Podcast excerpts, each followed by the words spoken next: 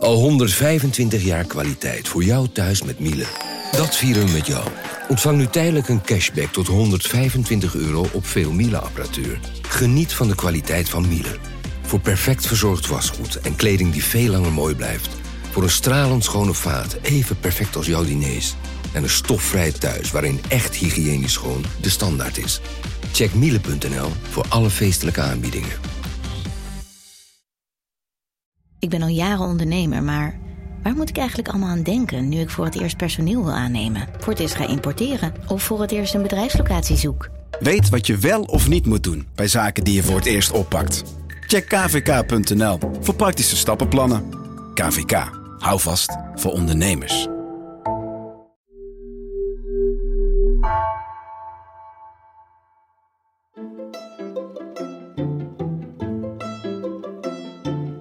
Welkom, wij zijn Onbehaarde Apen. Dit is een podcast van NRC over wetenschap.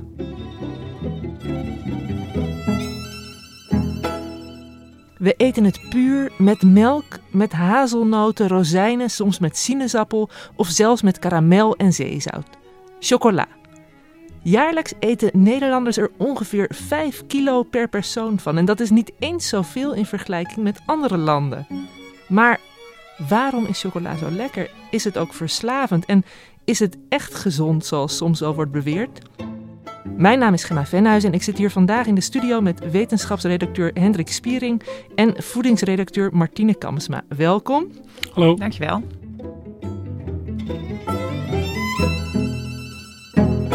En ik zie ook, we hebben een goed gevulde tafel. Ik zie al wat chocola liggen, ook cacao, cacaoboter. Ik denk chocolademelk daar in een flesje. Dus we zullen onze eet- en drinkgeluiden proberen niet al te dicht bij de microfoon te doen. Um, Hendrik, wat heb jij allemaal meegenomen? Nou ja, zo verschrikkelijk eetbaar is het ook niet. Ik zie uh, Martine ook met een heel vies gezicht er naar kijken. Wat ik heb meegenomen, ik, ik wilde het wel eens zien. Ik had het eigenlijk nog nooit gezien. Kun je gewoon kopen. Dat is uh, originele cacaobonen. Die zitten eigenlijk met z'n tien of twintig in zo'n pod. Ze zeggen, ik heb ze gekocht bij zo'n soort health uh, winkeltje. Ze zeggen dat dit niet geroosterd is, maar dat geloof ik eigenlijk niet. Maar je hebt dus zeg maar een, een ferme pinda, eigenlijk een grote koffieboon.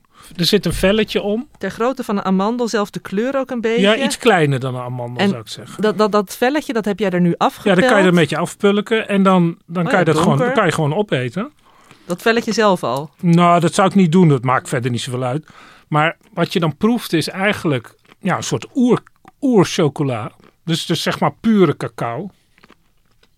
Het is bitter, hè? Ja, En eigenlijk helemaal niet zo smaakvol.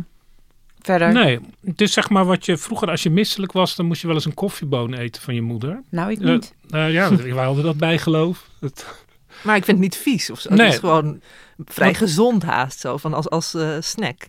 Wat ik er lekker aan vind, is dat je een soort oerchocola proeft. Voor wat het waard is. Je proeft die, die basissmaak van chocola, die anders altijd begraven ligt onder melk, pinda's en eh, Suiker. suiker. Maar die kun je dus ook... Ik heb denk ik in zo'nzelfde soort supplementenwinkel ehm, chocola gekocht. Chocola met 99% rauwe cacao. Maar wat je dus proeft als je die repen proeft met hoge percentages eh, rauwe cacao... Dat ligt vrij dicht daarbij. En dat heeft in elk geval weinig te maken met waar ik trek in heb... als ik s'avonds aan mijn favoriete Netflix-serie eh, Het begin. is geen troost eten, zeg maar. Ik vind dit, dit is eerder levertraan dan... ehm, Ja, want ik ben heel 100 jaar benieuwd hoeveel procent vet erin zit. Want het unieke van de cacaoboon is dat die voor de helft uit vet bestaat. Dus die, ja, ja, ruim de helft.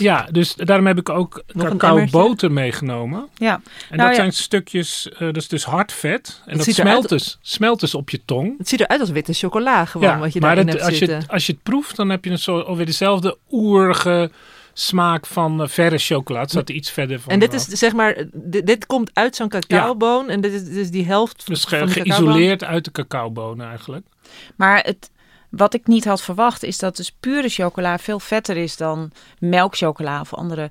De producten die je kent, de repen die in de winkel liggen. Ik had verwacht dat melkchocola vetter was. Want dat heeft niet dat, dat droge wat hele pure chocola heeft.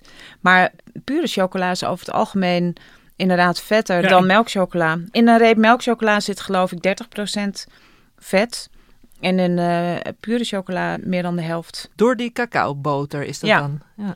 Maar je kunt eigenlijk de geschiedenis van de relatie van de mens met de cacao, die al 5000 jaar bezig is, die is in het Amazonegebied begonnen. Daar hebben ze potjes ontdekt met cacao-resten erop. Het is wel heel duidelijk dat daar ook gewoon cacao-drank eh, in werd bereid. Maar je hebt cacao-drank meegenomen. Heb Ja. je dat zelf gebrouwen? ja, want Dick? ik dacht, kijk, om nou, dan moeten we even terug naar de Maya's. ja, daar zat ik al op te wachten, die Maya's. Want 5000 jaar geleden in het Amazonewoud, waar dus al cacao-drank ook Ja. werd gedronken. Hoe is het allemaal begonnen met die cacao? Er was eigenlijk altijd het idee dat rond 600 in ieder geval duidelijk was dat de Maya's, die toen de grote cultuur van Midden-Amerika vormden, en eigenlijk alle latere culturen zijn daar varianten op. De Azteken, dat is natuurlijk heel bekend. Dus Midden-Amerika, daar was cacao eh, groot geworden. En de oudste dingen waren 600 jaar. Een enkeling dacht dat het misschien wat ouder was. Maar in 2018 hebben ze eigenlijk twee ontdekkingen gedaan. Hebben ze het genoom van de cacao, van de commerciële cacao, helemaal uit elkaar gehaald. En ze hebben in het Amazonegebied, in Ecuador, potten gevonden waar ook cacao-resten op zaten. En beide dingen wezen op hetzelfde. Uit die genetische analyse bleek dat het rond eh, 3600 voor Christus, echt veel en veel ouder dan iedereen altijd gedacht had, gedomesticeerd werd. En dat klopte ongeveer met die potten die ze hadden gevonden met cacao-resten erop. Dus het blijkt dus een ontdekking te zijn, niet uit Midden-Amerika, maar uit Zuid-Amerika, die dus langzaam naar Midden-Amerika is gegaan. Hoe precies, door handel of, of natuurlijke weg, dat is niet helemaal duidelijk. Maar Want Midden-Amerika is nu de plek, de- cacao-productieplek. ja, want in Zuid-Amerika wordt het ook wel gebruikt, maar Midden-Amerika, in de middeleeuwen zou ik maar zeggen, in de Maya-tijd en Aztekentijd, is dat het centrum van eh, de cacao-cultuur. En het interessante is, wat is die cacao-cultuur eigenlijk? Het is dus een soort luxe drankje, waarbij de elite, vaak in rituelen, ik krijg de indruk dat het vooral door mannen werd gedronken, want er was ook een soort seksuele toon zat erin. Maar er was nee, ook want het werd ook wel bij onvruchtbaarheid bijvoorbeeld voorgeschreven. Het was natuurlijk Ja. ook een soort traditioneel eh kruidengeneesmiddel. toen de Spanjaarden dat gebied veroverden, hebben ze natuurlijk met iedereen gesproken. En er zijn heel veel dingen opgeschreven hoe dat allemaal ging. En er zijn ook teksten van de Maya's en de Azteken zelf over. Dat wordt ook beschreven. Er zijn tekeningen dat je kan zien hoe het geserveerd werd en aan wie. En er is bijvoorbeeld bekend dat de laatste keizer of koning van Azteken, die toen het dominante volk waren in Midden-Amerika, Montezuma, dat hij 50 glazen chocoladedrank dronk. Dat Wat zal trok- die dik zijn geweest? Ja, want het, Per dag. het was natuurlijk best vet. Want het was eigenlijk een soort drinkontbijt ook, als je dat maar genoeg nam. Het was nog niet zo zoet als de huidige Nee, er werd geen- chocomel, maar Er werd geen suiker aan toegevoegd. En het was dus een soort mengsel van water. Want melk is pas uit, uit later tijd dat het daarin gemengd werd. ja, zoals je nu wel eens eh, chocomel uit de automaat bestelt, dan kun je soms kiezen uit chocomelk of gewoon chocolademengsel. En dat is Nou ja, ook melk is echt een Europe melk erbij doen is een Europese is uit de 18e eeuw. eh, vinding geweest.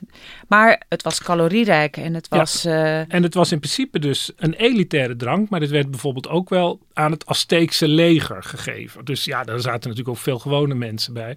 Dus het was een, een breed levende cacao-cultuur.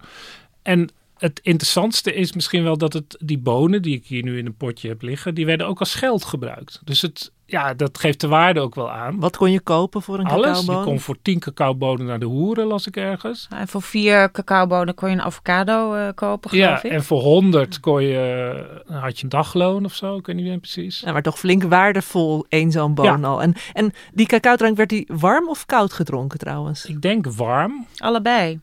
Volgens mij werd hij op sommige plekken warm en op andere plekken koud eh Want ik heb dus een beetje geprobeerd met die zelfgemalen cacaobonen die ik dus had gekocht. Ik heb zelf een beetje verpletterd en eh, met een mes nog verder gesneden. En dan een beetje geprobeerd te mengen. En wat je leest is dat er dus... Wat heel erg belangrijk was voor die oude cacaodrank was het, het bellenblazen. Het, het, dat het- het schuimen, schuimen. En ik denk eigenlijk gezegd dat ze er dus... Ik heb er ook zelf eiwit aan toegevoegd, maar Oh, echt vreselijk schuimen doet het niet. hoe dan? Ja, gluten heb ik nog ergens liggen van de onze broodaflevering natuurlijk. En Dus heb misschien- je er Amazonewater voor gebruikt? Nee, ik heb gewoon kraanwater gebruikt. Maar ik heb er wel allerlei kruiden aan toegevoegd. En dat is namelijk wat je ook leest. Dus het... het, Het ruikt ongelooflijk. Het is heel kruidig. Ja, Heerlijk. Ik ruik, ruik ik komijn? Oh, dan wil ik ook even gokken wat er... Geen vanille ruik ik. Wat, wat er, Ja, wat werd er wel doorgedaan. Ja, Ja. en, en, en chilipepers las Ja. ik. ja, dat durfde ik eigenlijk niet, want ik dacht dat wordt scherp misschien. Nou, dat is soms wel... Ik koop wel zo'n reep met peper erin, maar kaneel ook, denk ik, iets. Maar dus de take-home message is eigenlijk dat de cacao in de oorspronkelijke Midden-Amerikaanse cultuur werd op allerlei manieren bereid en had ook allerlei functies. Het werd volgens mij ook gewoon voor de gezelligheid gedronken, maar ook in allerlei rituelen. En het was ook geld. Het groeide dus aan de bomen. Nou, En het, was, het werd toen ook, maar dat is natuurlijk niet zo gek in een gebied waar zoveel planten en kruiden groeien, gebruikt worden ook als medicinale Ja, Maar producten. dat is ook een, een dominant iets dat het eigenlijk, ook als het naar Europa gaat, heeft het zo'n Oeh, medicinale... ik, ik neem nu een slokje. Het is te sterk. Nee, het is gewoon ehm, heel erg ver weg van wat nu ja, de maat der dingen is, Of chocomel. Omdat er geen suiker in Ja. zit gewoon. En het is, eh, heeft dat drogen, want door de poeder. Ja, je proeft de poeder dus. Ja. Maar ik denk eerlijk gezegd dat die Maya's het wel beter konden malen dan ik. Maar ik heb zo'n wrang mondgevoel. Dat je helemaal zo je mond van de bitterheid een beetje Maar dan vertrekt. snap ik ook wel dat mensen dachten dat het een goed medicijn was. Want als je dit proeft, dan denk je, dit moet ergens goed voor zijn. Want waarom zou je dit... Er hangt een sfeer van geheimzinnigheid. Maar dat Ja. je hier dan omheen. 50 glazen per dag van kon drinken, Ja. zoals die ene man, dat is dan wel eh, ook een soort prestatie. Maar goed, als je voor het eerst koffie drinkt, is het ook niet te drinken. Dat Nee, want Ja. dat is wat ik leuk vond om te lezen, was dat er werden enorme krachten aan toegekend. Maar dat kwam misschien ook wel omdat de Spanjaarden die als eerste daarmee in aanraking kwamen, kenden ook nog geen koffie. Dus waren nog niet gewend aan cafeïne. Nou zit er in cacao veel minder cafeïne dan in koffie, maar toch. En het was calorierijk, dus het is nogal een, een klap voor je kop. Kan ik me Nou, voorstellen ik- als je dat voor het eerst... eh, Ik heb dus ook de indruk dat als je ziet hoe breed het werd toegepast in die Azteekse cultuur en hoeveel medicinale werkingen er ook aan werden toegekend. Nu nog zie je dus in oorspronkelijke Maya-culturen dat een pasgeboren kind wordt ingesmeerd met cacao als een soort zegening. En het heeft allerlei rituele functies.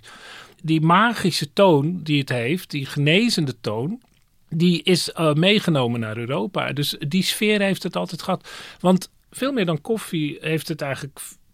Koffie is echt opwekkend, daar blijf je wakker van. Maar ja, ik zou geen chocola geven aan kinderen die eh, naar bed moeten. Maar dat is dan ook wel de enige beperking. Er zit echt heel weinig cafeïne en die theobromine-achtige stoffen. Dat, dat werkt allemaal niet zo sterk. Misschien heeft dat er ook wel iets mee te maken. Dat het theobromine is niet alleen, hè, als je naar het Grieks terugleidt, een, eh, het, het voedsel van God. Maar het is ook de naam eh, van de plant. En er zit ook een stofje in cacao dat ze zo noemen. En dat beetje vergelijkbaar is met cafeïne. Ja, het is maar een cafeïneachtig. Ja, een beetje iets milder effect. Ja, het is net als theïne in thee. Dat Ja. is ook eigenlijk Ja. cafeïne. Eh, Theo, God en broma, voedsel. Hè? Dus de, het Letterlijk voedsel- het voedsel van het de eten goden. van God. Ja, geen wonder dat mensen dan daar allerlei magische krachten aan eh, toekennen. Ja, want je hebt dan ook de mais. Hè? Want volgens de Maya-verhalen is de mais en de chocola was eh, in de onderwereld verborgen. En is dan door de zonen van eh, een belangrijke god eh, daaruit bevrijd. En dan aan de mensen teruggegeven. En mais is natuurlijk heel duidelijk een, een standaard voedsel. Maar die chocola is altijd iets magisch. En je ziet dan ook later, bijvoorbeeld in de 17e eeuw in Midden-Amerika, wordt er dan verteld. Dan zijn ze natuurlijk allemaal christelijk geworden, zogenaamd. En er wordt verteld, waarom is cacao zo belangrijk? Omdat Jezus kwam natuurlijk ook in Midden-Amerika. Dat geloofden ze vast, want dat moest natuurlijk gebeurd zijn. En die werd toen opgejaagd door zijn vijanden, wie dat ook verder waren. En toen verschool hij zich onder de cacao-bladeren. en als dank hebben dus die de noten zo'n prachtige smaak. Dus het is zelfs een bijbels gewas. Dan. Ja, nou ja, bijbels eh, mythisch natuurlijk. Hey, en we hebben het nu dan heel erg over de cacao in, in Zuid- en Midden-Amerika Ja. gehad. Maar tegenwoordig is het zeker in Europa ontzettend populair. Wanneer kwam, kwam die oversteek dan? Nou, de eerste kennismaking van Westerling met cacao is als eh, Columbus op zijn laatste reis ergens eh, bij een eiland, geloof ik, een enorme zeekano ontmoet met indianen erin. En die, die hebben dan maisbier bij zich. Het is zeg maar een kano van 20 meter, er zitten echt eh, tientallen mensen in. En die zijn duidelijk op handelsreis en die hebben ook cacaobonen bij zich. En als ze die dan laten vallen, dan raken ze gelijk in paniek en dan grabbelen ze naar die cacaobonen. Alsof geld, het ja. geld is. Het is ook geld, weet je, zo wordt het ook beschreven. En dan zijn er ook beschrijvingen. Dat eh, een van de eerste bereidingen die je dan leest van zo'n een of andere conquistador.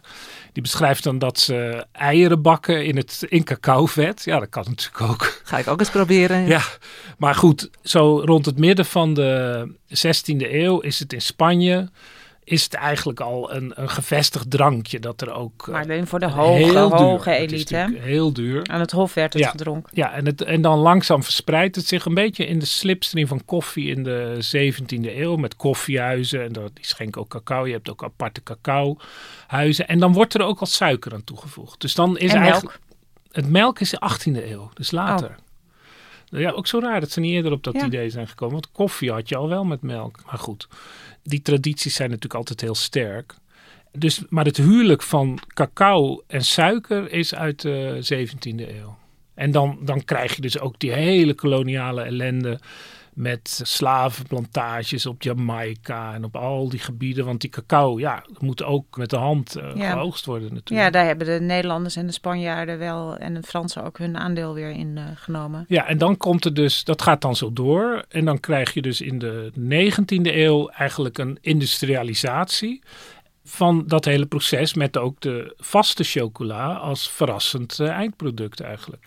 Het grote probleem is eigenlijk dat het zo vet is, waardoor het heel moeilijk te malen is.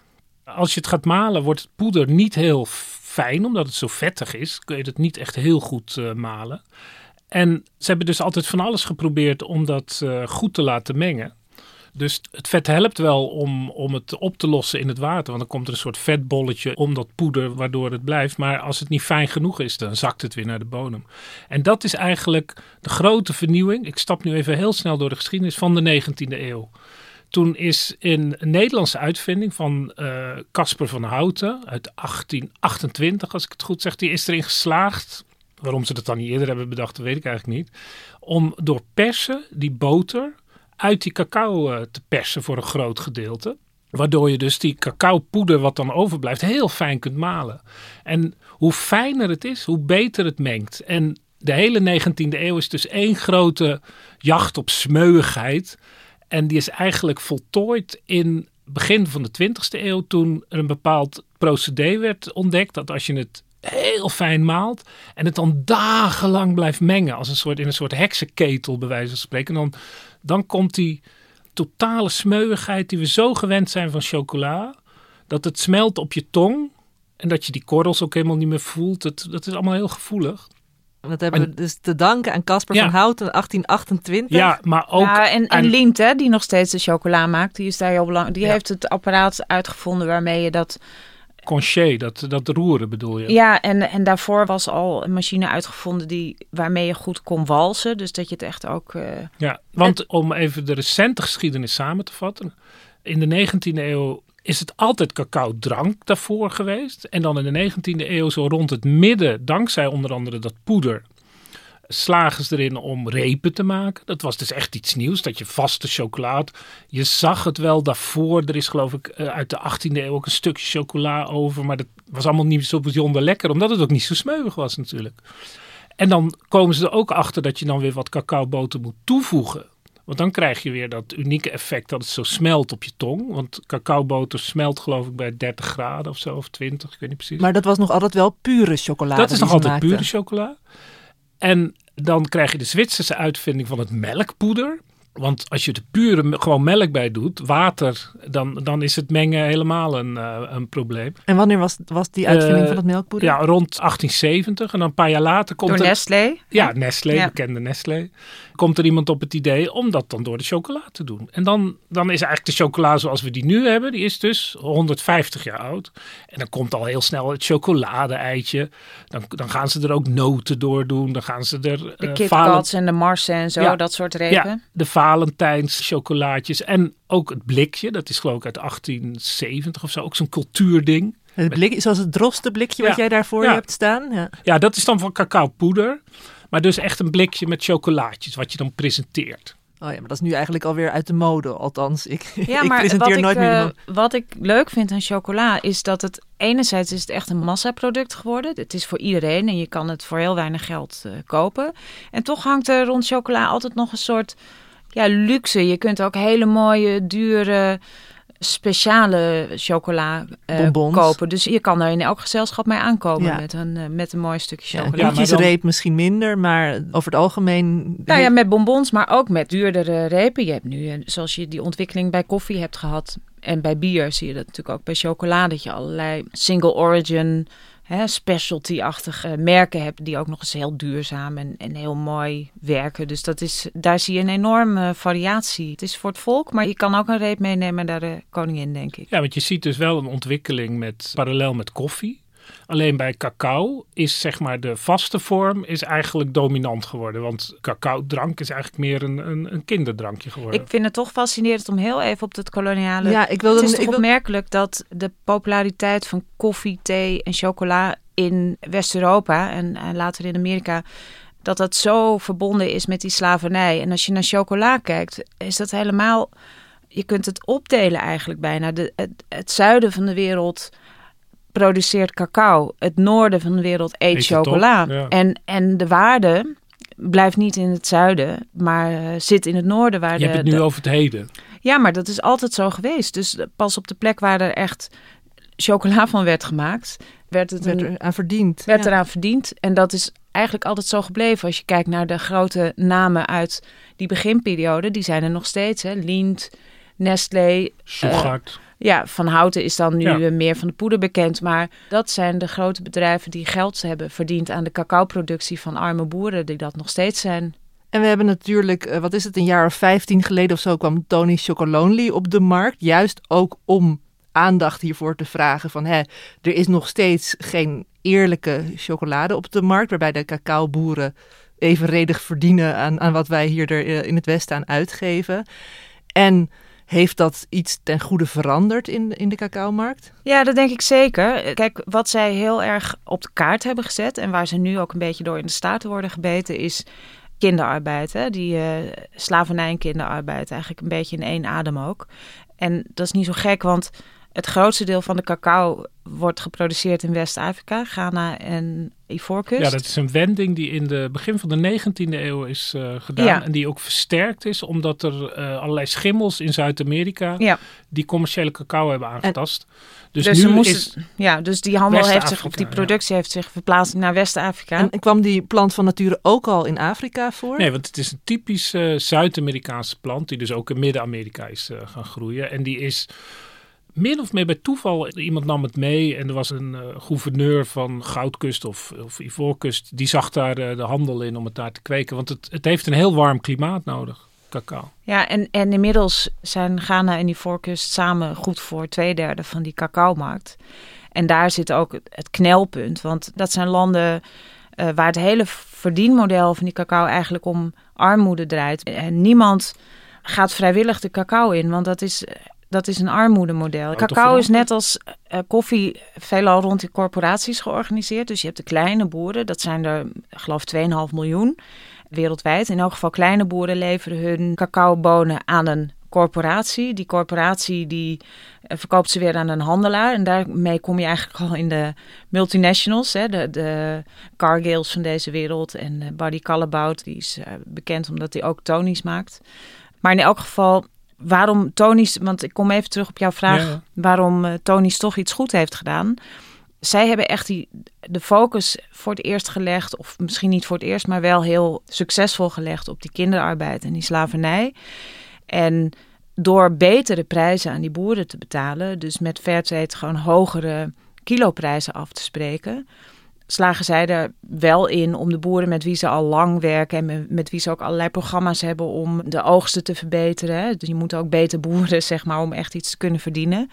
Om die boeren een beetje uit de armoede te krijgen. En is En nou is daar ook wel weer kritiek op, want je kunt zeggen het is nog steeds te weinig. En, en veel van die boeren kunnen nog steeds amper rondkomen, laat staan hun kinderen naar school gaan. Ja, want wat Dus- zou nou een goede prijs zijn als je denkt van hè, we willen echt dat, dat die kinderen van die boeren ook naar school kunnen Ja. gaan? Hoe, hoe duur zou een chocoladereep dan moeten zijn? Nou ja, dat hangt ook een beetje af. Het, het is een heel ingewikkeld model wat ze daarvoor bedacht hebben. Want het hangt af van hoe groot die gezinnen zijn. Hè. In, in, in West-Afrika zijn die gezinnen veel groter dan in Zuid-Amerika. Het hangt af van de gemiddelde oogst. Dus hoeveel kun je oogsten per hectare. Dus er zijn allerlei parameters om te bedenken wat een redelijk eh, bestaansminimum, eh, een kiloprijs zou zijn. Ja, en, en nu Fairtrade en Tony's zitten zo eh, eh, ergens onder de 3000 dollar. Het gaat altijd in dollars hè, op de wereldhandel. Per kiloton. Maar er zijn ook chocolademakers die, die met andere modellen werken. En die zeggen, nou, het zou eigenlijk misschien wel 7000 dollar moeten zijn om die mensen echt een goed bestaan te bieden. En kinderarbeid is ook. Hè, kinderarbeid is natuurlijk uiteindelijk gewoon een armoedekwestie.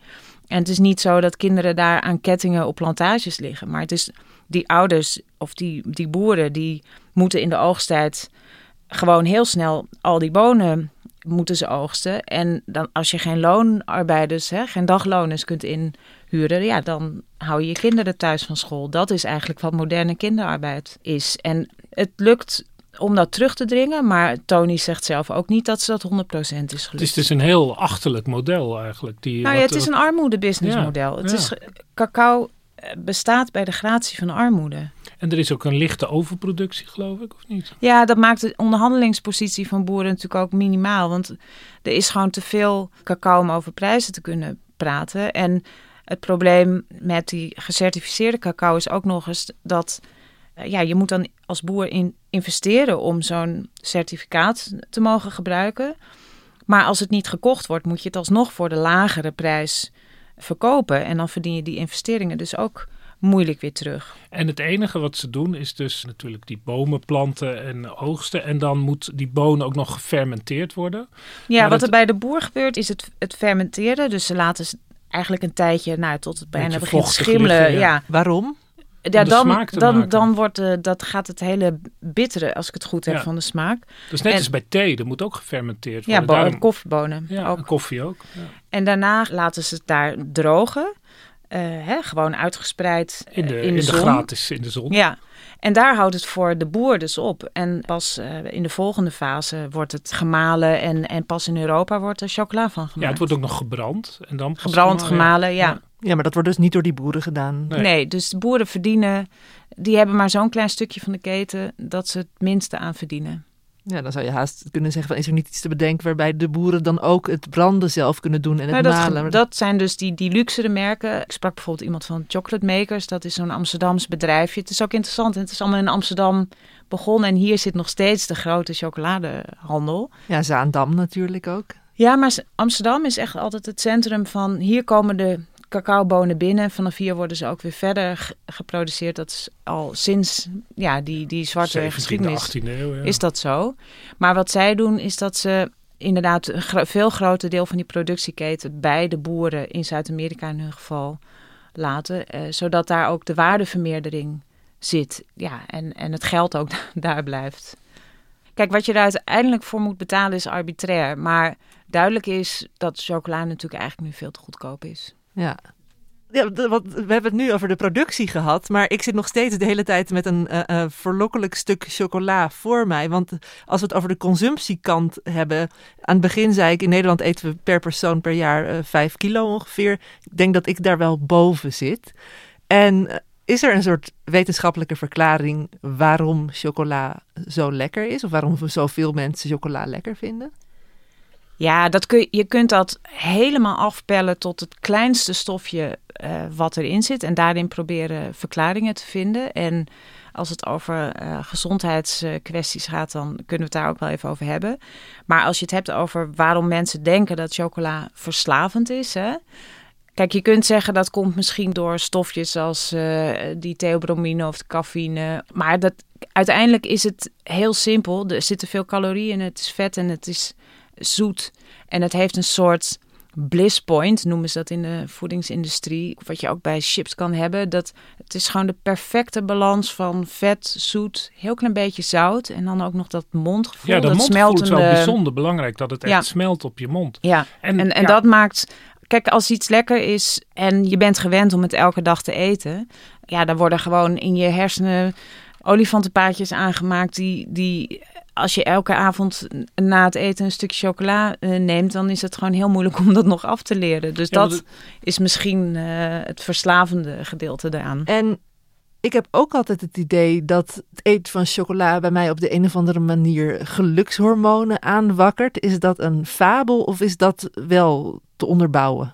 Nee, dat, dat klopt zeker wel. Kijk, eh, soms wordt gewezen naar allerlei stofjes eh, die erin zitten, zoals cannabisachtige stofjes of zo, die dat zouden moeten verklaren. Maar veel waarschijnlijker is het dat, kijk, alles wat vet en zoet en calorierijk is, dat jaagt die eh, dopamine en endorfine aan. Kijk, het, het verlangen naar een soort beloning, dat hangt samen met dopamine. En eh, iets lekker vinden, iets prettig vinden, dat, daar heb je endorfines voor. En hier komt het een beetje samen, want je kunt naar chocola verlangen en vervolgens word je beloond met iets lekkers. Dus ja, natuurlijk dat die gelukshormonen, zoals ze die wel noemen. Als je het dan altijd op dat moment eet, als je denkt dat je er gelukkig van wordt, ja, is het toch een soort zelfconditionering. Ja.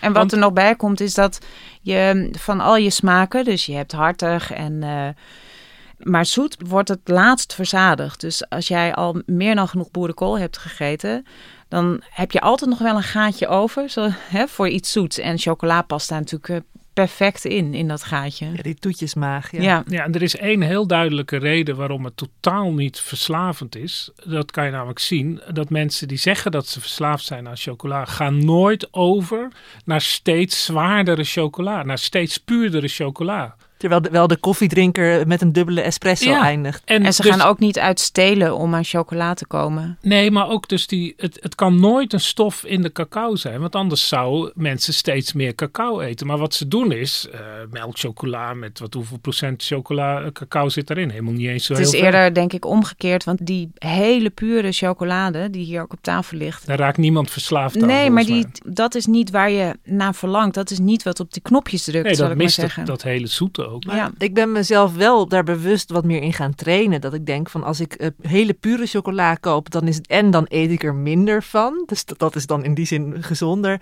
En ik heb ook het idee dat wel eens wordt gezegd dat echt repen die bijna alleen maar uit cacao bestaan, dat die nog wel een soort positief gezondheidseffect kunnen hebben. Ja, nou ja, ik heb hier een boek voor me liggen van meer dan 700 pagina's van iemand die heel erg geïnteresseerd is in kruiden. Dus dat kun je kwakzalverij noemen, maar hij heeft toch wel behoorlijk opgesomd wat voor onderzoek er is gedaan naar allerlei gezondheidseffecten. Heb ik trouwens niet alleen uit zijn boek, want het, hij Er overdrijft het nog wel eens. Ja. over, Maar als je dan vervolgens verder gaat kijken, wat is nou echt overeind gebleven van al die claims die worden gemaakt. Hè? Dus het is niet alleen eh, goed voor hart en vaten. Het zou je hersenen beter laten werken. Ehm, nou, de, je kan van alles verzinnen. Hè? Mentaal natuurlijk, dat je er gelukkiger van wordt. Eh, dat je er rustig van zou worden. Kalmerende effecten enzovoort. En eigenlijk is het enige...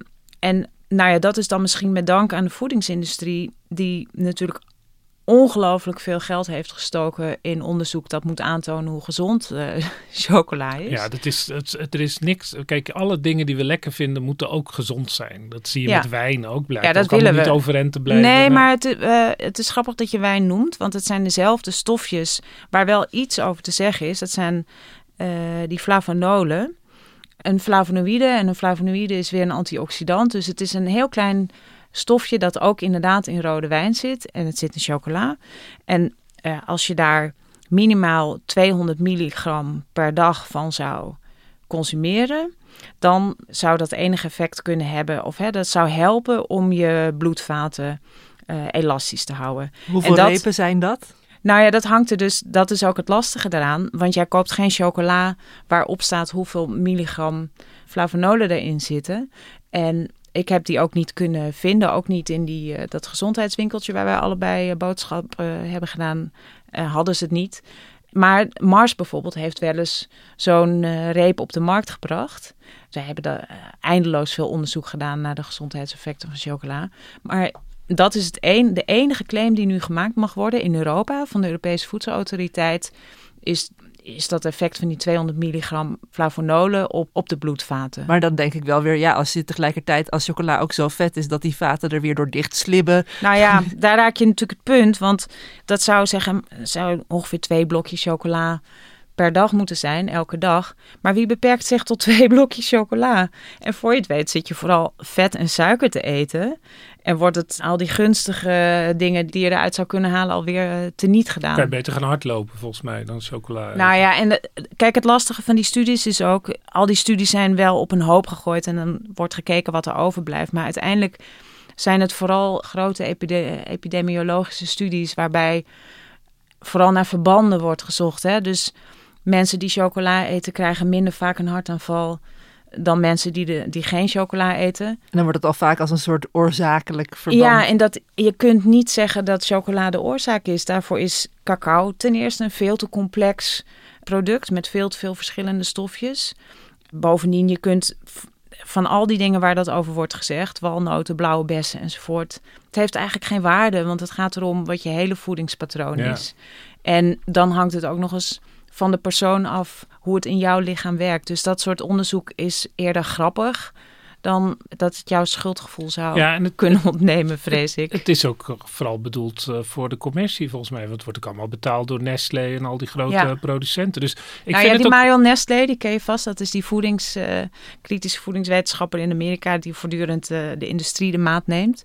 En die noemt dit Nutrifluff. En dat vind ik een goed woord. Want zij zegt, dit is allemaal betaald onderzoek door de industrie om vooral maar uiteindelijk hun eigen producten te kunnen Ja, en de verkopen. uitkomsten zijn gewoon heel gering. Het, het, het is Ja. echt, mag eigenlijk geen naam uit. Ik vind het eigenlijk Wetenschappelijk zijn de uitkomsten heel gering, Ja. maar commercieel zijn ze fantastisch. Want het hoeft niet eens in jouw chocola te zitten die jij verkoopt. Maar als er een zweem van gezondheid omheen hangt, Dan lift je daarop dan mee. lift de hele industrie daarop Maar mee. ik vind het eigenlijk een soort vervalsing van eh, wat het leven is. Want eh, we eten natuurlijk die chocola omdat het lekker is.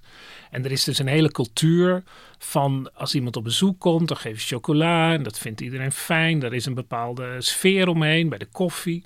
En je moet dat nemen voor wat het is. En ja, die gezondheid is, dat, dat, ja, dat slaat gewoon nergens op Nee, eigenlijk. Het Het is slaat... toch niet zo dat je dan, als er iemand op bezoek komt, dat je hem een stuk chocola geeft omdat het zo gezond Nee, is. maar het helpt wel. Kijk, eh, chocola is ook gek genoeg het product waar het meest dat guilty pleasure eh, syndroom omheen hangt. En als je erin kan slagen om chocola bij de superfoods te leggen, hè, waar die nips, die, die kleine stukjes dan nu liggen. Of als je speciale dure repen kan maken, wat Mars heeft gedaan, waar je dan op zet, dit heeft een hoog gehalte. Ja, en dat helpt bij het gezond houden van je bloedvaten. Ja, dan, dan heb je de gouden wikkel in handen hè, van Willy Wonka eigenlijk. Dan, dan heb je de jackpot. Maar hoe komen Dat we is waar eigenlijk aan dat hele... de chocoladefabriek echt om draait. Ja, ja, ja. Maar hoe komen we eigenlijk aan überhaupt aan dat idee van guilty pleasure? Ik bedoel, dat eet het omdat het lekker is en niet te veel. Nee, en ik denk dat dat een beetje cultureel bepaald is. Het Die is Maya's hadden daar geen last van. Ik denk het ook niet, nee. En, en nu willen we allemaal slank zijn, maar dat is ook wel eens anders geweest. Als je 50 eh bekers chocolademelk per dag eet, dan ben je, ben je niet bezig met guilty pleasures, volgens mij. En wat als ik nu voor Sinterklaas een chocoladeletter G karamel zeezout zou vragen? Moet ik me dan schuldig voelen? Nou, het is natuurlijk sowieso onzin om je schuldig over eten te voelen. Maar als je dan toch wil weten wat erin zit, behalve dat hele kleine beetje flavonolen, veel minder dan in pure eh, chocola. Ik heb het heel even opgezocht. In doorsnee eh, melkchocola, karamel, zeezout. Dat is toch echt perfecte blisspoint wat mij betreft. Daar zit meer dan de helft is suiker en een derde is vet. en in een, en een pure eh, lintreep, dus die, die met 90% cacao... Daar zit maar 7% suiker in. Dus dat is minder suiker, maar wel 55% vet. Nou ja, en die 100% repen, dat is gewoon niet waar jij blij van wordt, Gemma. Dus ik denk dat je maar gewoon zonder schuldgevoel af en toe een heel klein stukje moet knabbelen van je karamel gewoon een heel, zeezoutletter. een heel jaar met die letter doen, dat lijkt me een goed Een maand is al heel wat. nu moeten we erover ophouden, anders dan eet Ja. ik zo meteen alsnog al de, dit hele emmertje met cacaobonen eet ik leeg. Eh, Martine Kamsma, Hendrik Spiering, hartelijk dank voor jullie aanwezigheid en voor het brouwen. Ik neem toch ook zo nog eens een slokje van die cacaodrank zo meteen. Ja, Ik we denk- proosten zo nog ja, even. dat, eh, dank ook Julia op de Maya's. op Ja. de Maya's, op Julia Vier van de productie, eh, op het Dudok kwartet uiteraard en op de luisteraar. En wie weet krijgen we toch allemaal nu een extra pure chocoladeletter in onze schoen. Het is nog even afwachten. Wij zijn er volgende week weer. Tot dan. Ik denk dus dat ik de, van die cacaobonen ook gewoon door het eten doe. Als je dat door een stoofpot Ja. doet of zo, is het Ja. zo ontzettend. Ja. Ik doe het ook wel. altijd. Ik doe altijd een beetje cacaopoeder door de chili. Ja. Chili sin carne.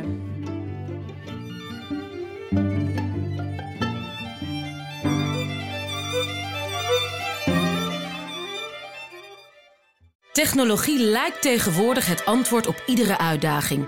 Bij PwC zien we dit anders. Als we de potentie van technologie willen benutten, kunnen we niet zonder een menselijk perspectief. Human-led, tech-powered noemen we dat. Ga naar pwc.nl.